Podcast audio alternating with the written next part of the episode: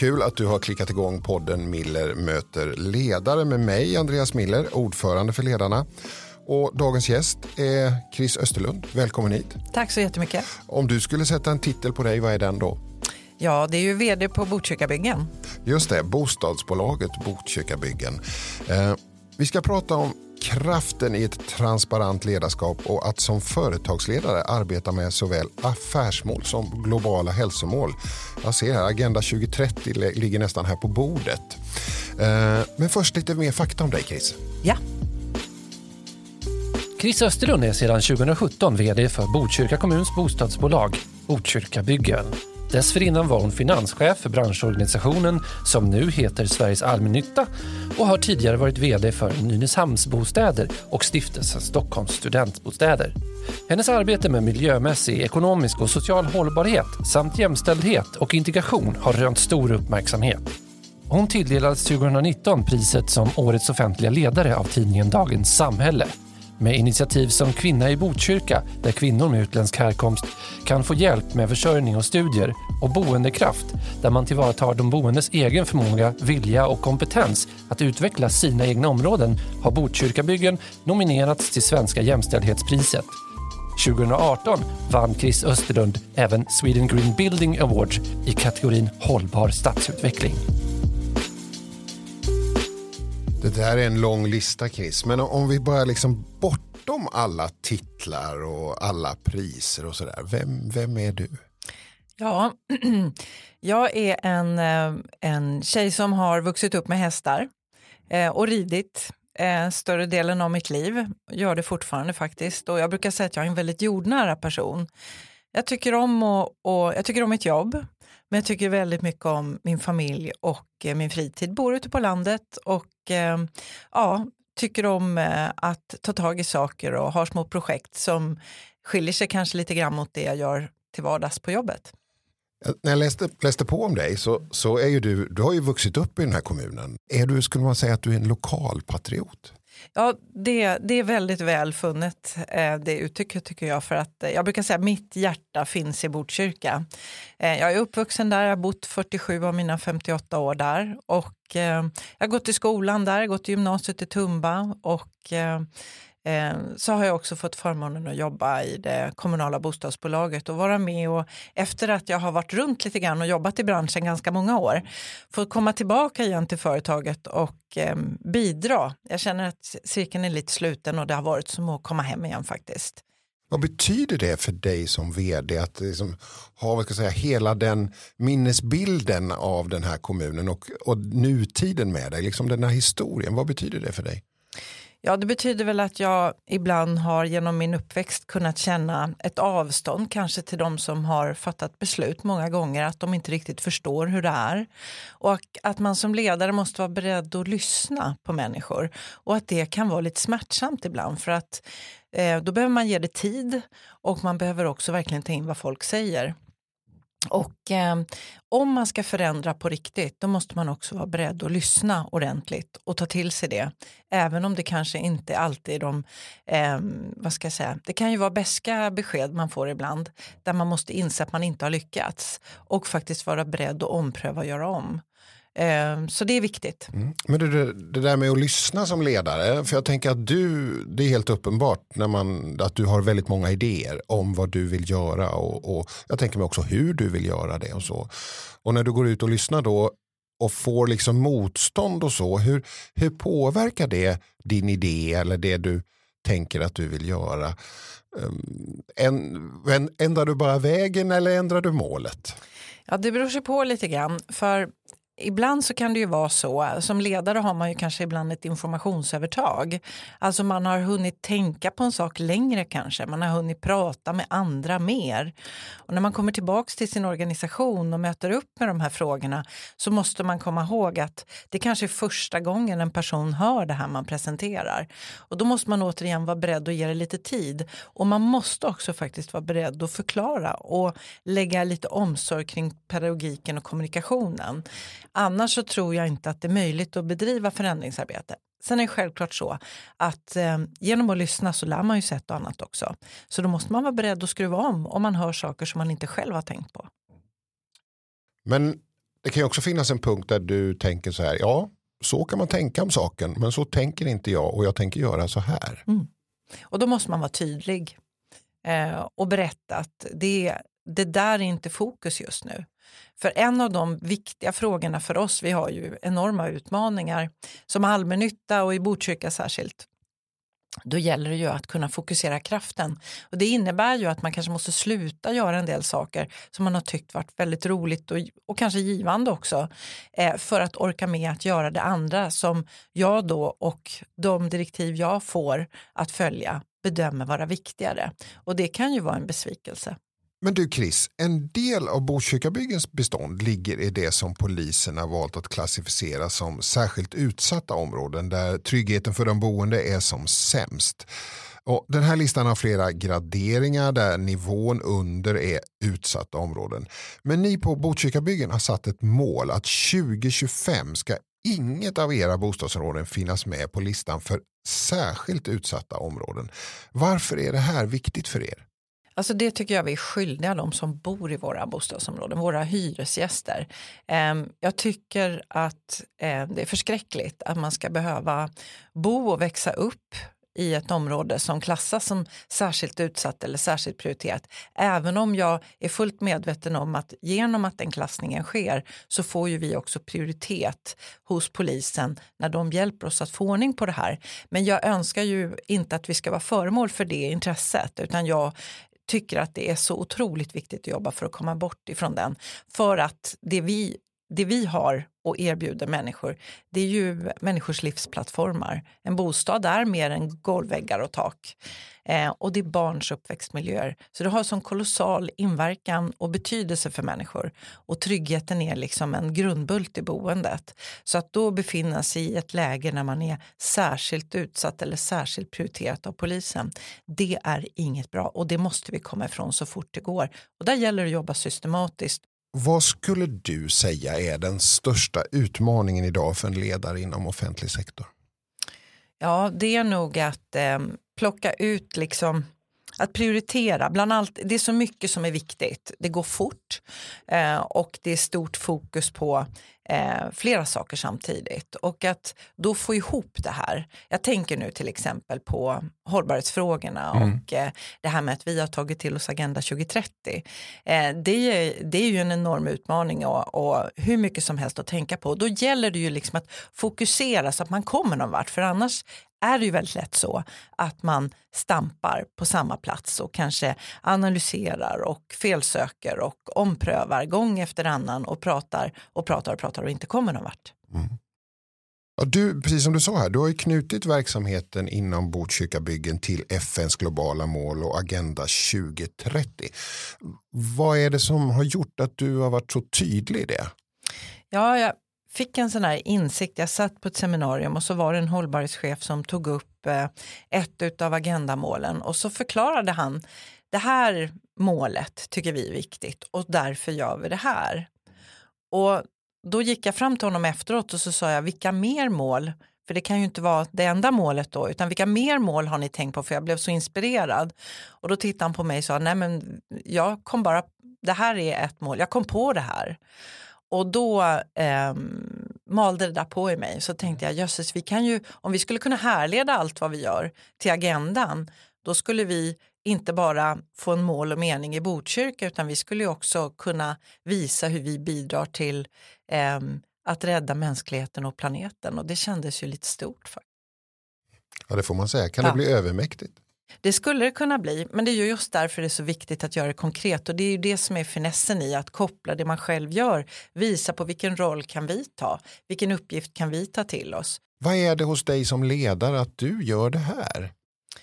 Ja, alltså allmännyttan brukar jag säga är per definition eh, enligt vår lagstiftning så ska vi jobba enligt affärsmässiga principer och samtidigt kunna balansera det mot ett samhällsansvar.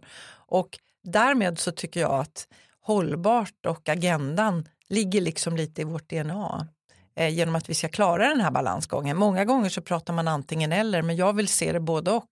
Och jag menar ofta så här att just nu så är det varumärkesbyggande att prata om social hållbarhet och grön hållbarhet. Eh, imorgon, alltså i framtiden, så menar jag att det är en existentiell fråga. Eh, det går så länge det går, brukar jag säga. Men eh, eh, hållbart är den enda lösningen på sikt. Och då gäller det att göra hållbart lönsamt. Går det? Jag menar att det gör det. Det går naturligtvis inte i alla avseenden utan det gäller att hitta sin roll, sitt bidrag och det man kan göra. Och nogsamt, jag är noga med att vi räknar på saker också så att vi inte bara pratar utan vi måste räkna och kolla, verkställa eh, och följa upp så att vi ser att vi är på rätt väg. Skulle man säga att du är en arbetsmyra som liksom jobbar jämt eller vad, hur, ser dina, hur ser dina gränser ut? Vi börjar ju prata om att du gillar hästar och fortfarande rider och har gjort det hela ditt liv. Men hur ser, gräns, hur ser det där balansen ut för dig mellan det jobb du gör och den fritid du har? Ja men fritiden är ju väldigt viktig för det är ju som alltid för alla människor att återhämtning är A och O. Och om, om inte annat för ett hållbart ledarskap eh, att man ska mäkta med för det är ju mycket krav och eh, högt tempo på dagarna. Så jag försöker välja naturligtvis att, att göra så att eh, jobba hårt när, när vi är där och det, alla andra är på plats också och sen eh, inte sitta för länge och inte plocka med mig allt i helgerna. Och ibland är det lättare sagt än gjort.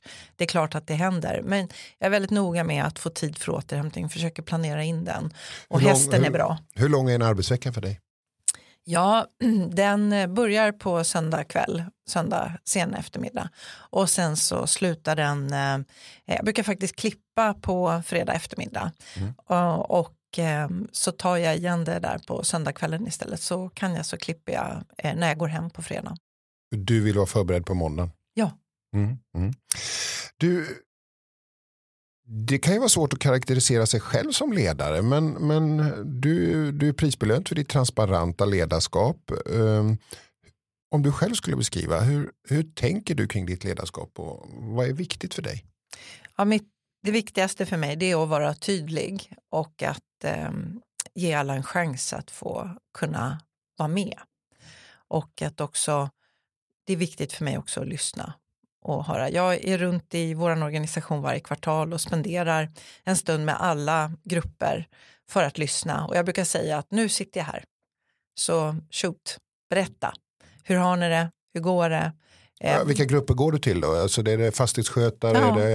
ja, jag åker runt faktiskt i hela organisationen och träffar alla som är på plats. Vad får du ut av de mötena? Ja, jag får massor. Dels så får jag ju veta vad som funkar bra. Och sen så får jag också veta naturligtvis eh, väldigt ofta vad som inte fungerar. Eh, jag får fram önskemål, som, alltså goda idéer kommer upp. Men jag får ju också en möjlighet att rätta till. Ibland kan det ju bli missförstånd. Man säger att ja, men vi gör ju här, det här bara för att. Och så kommer det något som man aldrig hört talas om och så säger man nej men det där stämmer inte. Vad, vad har ni fått det ifrån? Jo, men det har vi hört. Och då kan man också få en chans att rätta till sånt. Det har varit värdefullt för mig. Mm. Hur många är ni i organisationen? 130. 130 stycken. Mm. Du, ni är åtta personer i ledningsgruppen. Uh, fyra män och fyra kvinnor. Stämmer. Uh, uh, hur, hur viktigt är det för dig att det är jämställt i, i ledningen? Jag tycker det är, jätte, det är en styrka. Och, och det känner vi av också. Um, och um, ja, det känns jätteviktigt att man lever lite som man lär. Hur jobbar du med din ledningsgrupp? Ehm, jag jobbar mycket utifrån att de ska teama en hel del. Ehm, jag Vad har, betyder det?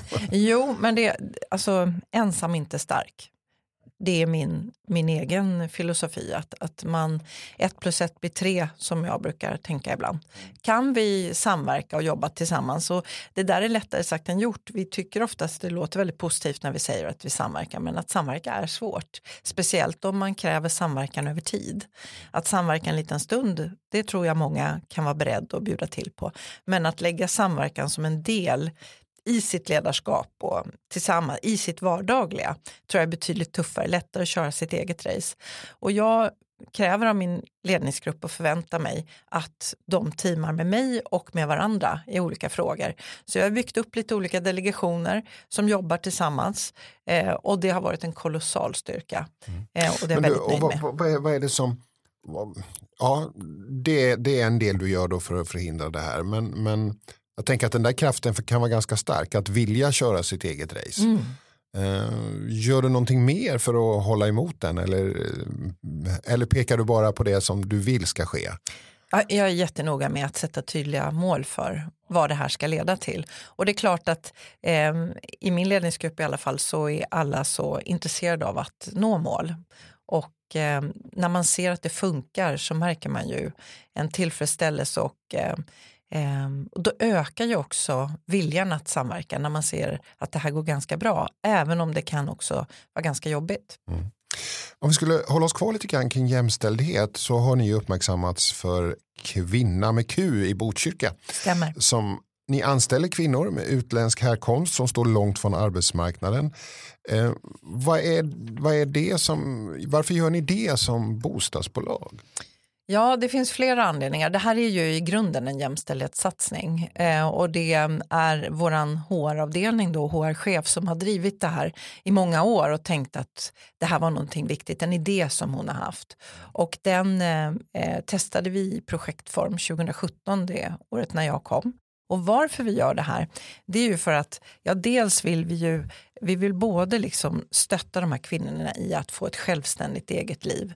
Därför att, och det är ju människor som bor hos oss i, i allra högsta grad. Och det gör ju att de blir inte alls lika eh, bundna av bidrag. De får ökad självkänsla, de får bättre hälsa.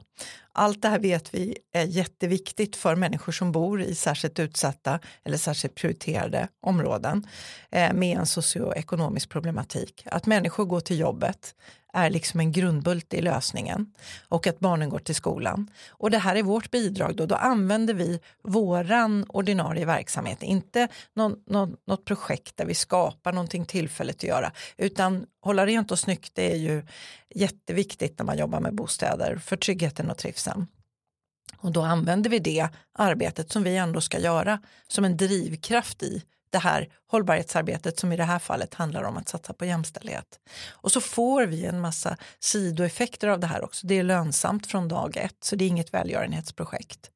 Men det är ju också så att vi ser nu efter tre år snart att de här kvinnorna, det är ökad hälsa eh, och de eh, har fått bättre eh, vad ska vi säga, självkänsla eh, och eh, mer kontroll över sina liv och bättre i språket. Eh, och, eh, vad är det konkret de rent gör? Alltså, vad är det för arbete som utförs? De städar i våra trapphus och tvättstugor och eh, i början var de också med och plockade en hel del skräp utvändigt men just nu så är det mycket bundet till de allmänna ytorna vi har. Och det här innebär ju också, skulle jag vilja tillägga, att i de här socioekonomiskt utsatta områdena så är det ju väldigt vanligt att det är männen som dominerar i det offentliga rummet. Och genom att de här kvinnorna, för jag vet inte om du har sett men de har väldigt rosa fina lysande kläder mm. som, som, syns väldigt väl. Mm. Så lyser de också som prickar i det offentliga rummet och gör också skap, de är både förebilder för andra kvinnor men ger också kvinnorna en plats i det offentliga rummet.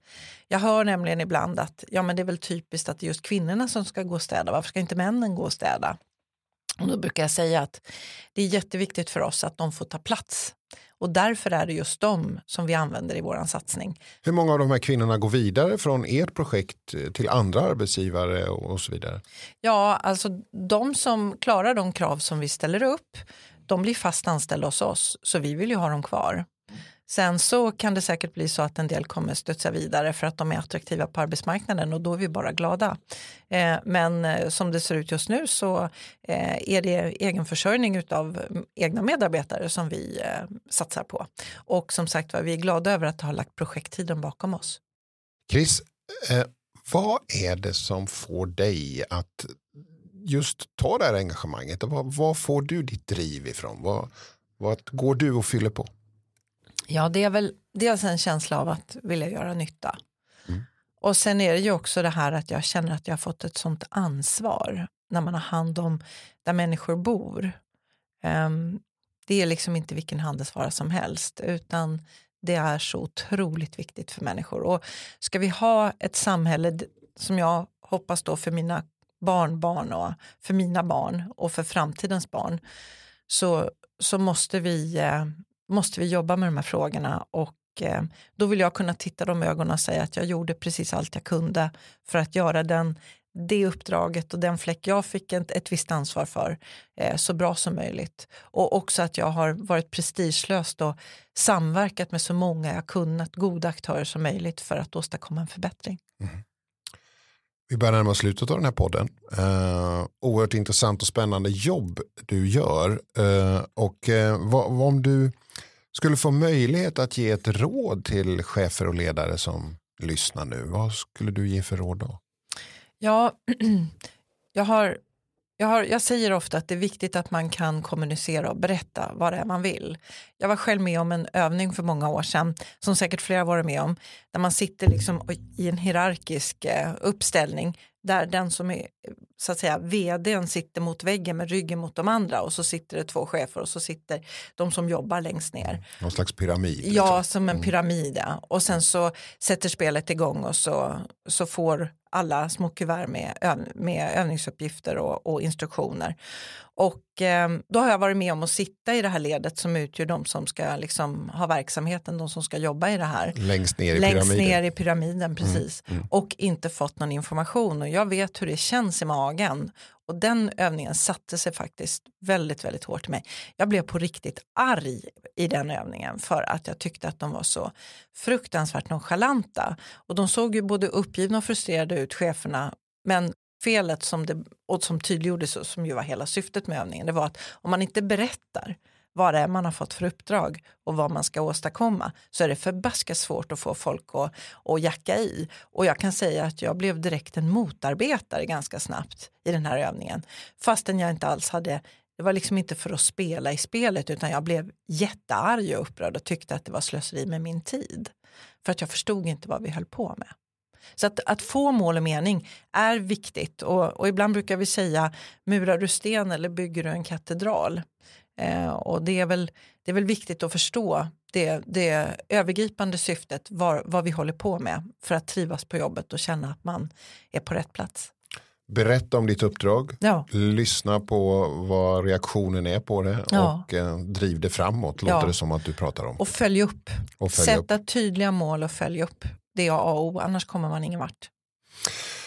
Chris Österlund, jättetrevligt att ha dig här. Eh, önskar dig eh, fortsatt framgång i ditt otroligt viktiga uppdrag. Tack så mycket. Mm. Eh, Chris Österlund, vd för Botkyrkabyggen, var alltså gäst i Miller möter ledare. Eh, håll utkik, vi kommer med fler avsnitt. Tack för idag.